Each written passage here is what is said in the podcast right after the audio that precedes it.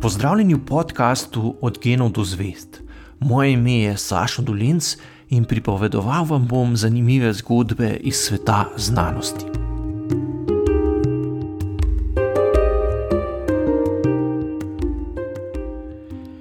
V samo tisoč dneh med letoma 1347 in 1351 je skrivnostna bolezen pomorila skoraj polovico prebivalcev takratne Evrope. To je bila največja naravna katastrofa, ki je kdajkoli prizadela človeštvo. Po številu žrtev in splošnem razdejanju se s srednjeveško pandemijo črne smrti lahko neposredno primerja samo še druga svetovna vojna. Skrivnostna srednjeveška bolezen, ki so jo v Evropo prinesli pomorščaki, je bila bobonska kuga. Iz Italije in drugih sredozemskih obaljnih mest se je hitro razširila po vsem kontinentu. Povzročila jo je bakterija Yersinia pestis, ki naj bi izvirala z Kitajske ali iz Indije na ljudi pa so jo preko podgan prenesle bohe. A takrat ni tega nihče razumel, kar je strah pred neznanim samo še povečevalo. Kje natančno je bil izvor pandemije črne smrti, ni povsem znano. Zelo verjetno se je kužna in hitro prenosljiva oblika bolezni najprej pojavila v Mongoliji in se naglo razširila po Kitajski. V italijanskih kronikah iz tistega časa je zapisana zgodba, da so okužbo v Evropo prinesle trgovske ladje, ki so se vračale iz mesta Kafa ob Črnem morju, kjer je imela Dženova trgovsko postojanko. Kafa je bila hitro raztoče mesto, ki je živelo od trgovine med Daljnim vzhodom in Evropo. Ladje iz mediteranskih mest so od tu tovorile k evropskim kupcem eksotično blago, ki so ga iz Kitajske prenašale karavane. Trgovsko naselbino so po pripovedovanju dženovskega kronista leta 1346 napadli Tatari in jo začeli oblegati. Seboj iz Azije so prinesli tudi bolezen, ki se je med vojaki hitro širila. Njihov poveljnik je zato ukazal, da okužena trupla s katapulti izstreljujejo čez mestno obzidje.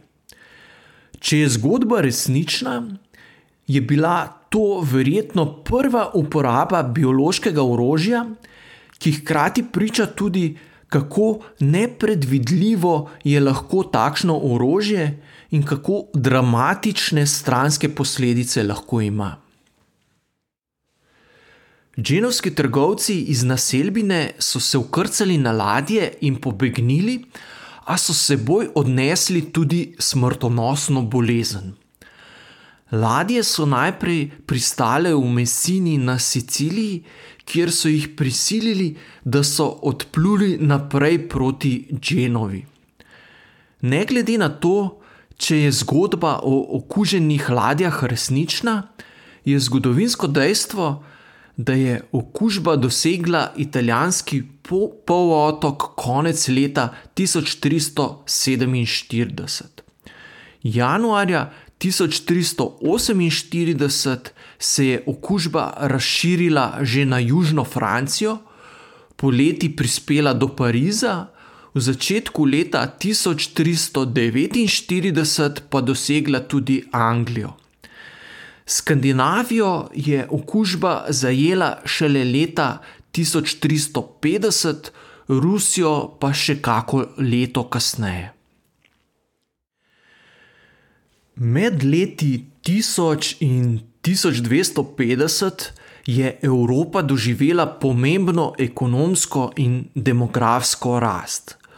Okoli leta 1000 je živelo na področju Evrope le okoli 40 milijonov ljudi. Do sredine 14. stoletja, ko je izbruhnila kuga, pa se je populacija skoraj podvojila in štela okoli 75 milijonov. Glede na srednjeveško tehnologijo pridelovanja hrane, je bilo takratno število prebivalstva že na meji prenaseljenosti. Po različnih ocenah naj bi v nekaj mesecih zaradi pandemije črne smrti umrlo od 30 do 50 odstotkov vseh prebivalcev Evrope. V le nekaj mesecih je recimo pomrlo kar dve tretjini prebivalcev Firenc. Pesnik Petrarka je pandemijo sicer preživel, a je izgubil ljubljeno Lauro. Grozo je opisal v pismu bratu, ko je zvedel, da sta on in njegov pes edina preživela od 35 ljudi v samostanu, kjer je živel. Ojoj, moj ljubi brat, kaj naj rečem, kako naj začnem, kot naj se obrnem. Na vseh straneh je žalost, povsod je strah. Brez bliskanja na nebu ali ognja na zemlji, brez vojn ali drugačnega opaznega prelivanja krvi, je skoraj da cel svet ostal brez prebivalcev. Hiše so prazne, mesta zapuščena, pokrajina zanemarjena, polja premajhna za vse mrtve. V učeni študiji so profesori z medicinske fakultete na Pariški univerzi razlog za kugo zvalili na 20. marec 1345. Na ta dan je bila trojna konjunkcija Saturna, Jupitra in Marsa v 40 stopinji vodnarja, kar očitno ni bilo dobro znamenje. Konjunkcija planetov naj bi povzročila smrtonosno poslabšanje zraka, kar lahko povzroči porušenje harmonije telesnih tekočin. Osrednji nasvet učenih zdravnikov ljudem je bil, naj se izogibajo okuženemu zraku. Ne glede na nenavadno astrološko teorijo, ki se je skrivala zadaj, je bil nasvet učenjakov povsem na mestu. Kuga je posameznika lahko pokončala v manj kot treh dneh. Učvici so pripovedovali, da so ljudje odhajali v posteljo še povsem zdravi, zjutraj pa so jim bile že štete ure.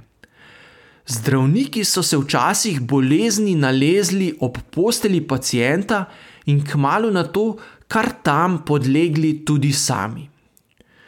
Giovanni Villani, zgodovinar iz Financ, ki se je lotil pisanja kronike širjenja bolezni, je po poročilih umrl med pisanjem stavka in trajala je ta nadloga do Seveda, za res ni izdihnil za pisalno mizo, je pa res, da je nameraval stavek na koncu kronike dokončati, ko bo nadloga minila. A tega trenutka, nažalost, sam ni dočakal. Ker resničnega vzroka nenadne bolezni ni nihče poznal, so si ljudje hitro priskrbeli najrazličnejša pojasnila za katastrofo. Mnogi so bili prepričani, da je kuga božja kazen za grehe posameznikov, pa tudi za grehe cerkve, ki se je preveč ukvarjala z bogatstvom, gostijami in posvetnimi zadevami.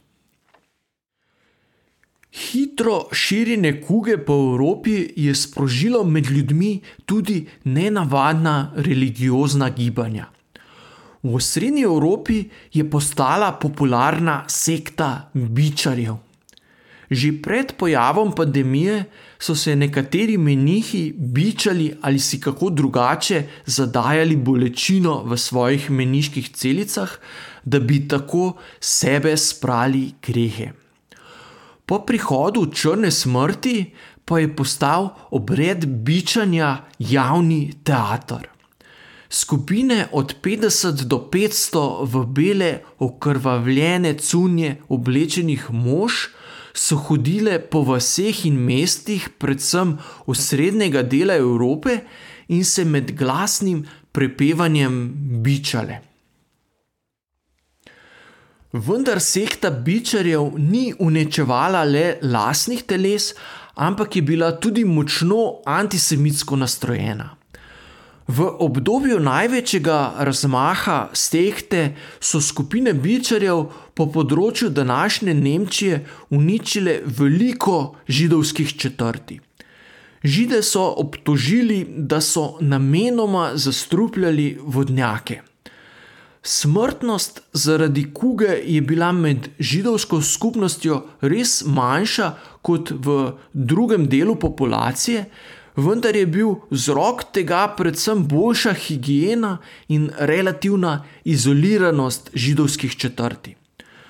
Po celotni Evropi je prišlo do nekaj sto primerov pobojev judovskega prebivalstva, ki se je množično začelo seliti v severni del Evrope, predvsem na Poljsko in v Rusijo. Posledice pandemije črne smrti na evropsko družbo so bile velike. Prišlo je do pomembnih socialnih in kulturnih sprememb. Srednjeveški družbeni ustroj se je moral prilagoditi novim razmeram. Delavcev, ki jih je bilo prej preveč in so bili zato slabo plačani, je bilo naenkrat premalo. Plačila za isto obrtniško delo so se zato povečala za nekajkrat. Ker je v kratkem obdobju umrlo zelo veliko ljudi, so se morali odnosi v družbi razmeroma hitro prilagoditi novim razmeram. Bistveno bolj cenjeno in spoštovano je postalo praktično rokodelsko znanje, kar je postopoma pripeljalo do začetka renesanse. Zgodovinari ocenjujejo, da bi sicer trajalo še več stoletij, preden bi se srednjeveška družba, kultura in znanost začeli resneje spreminjati.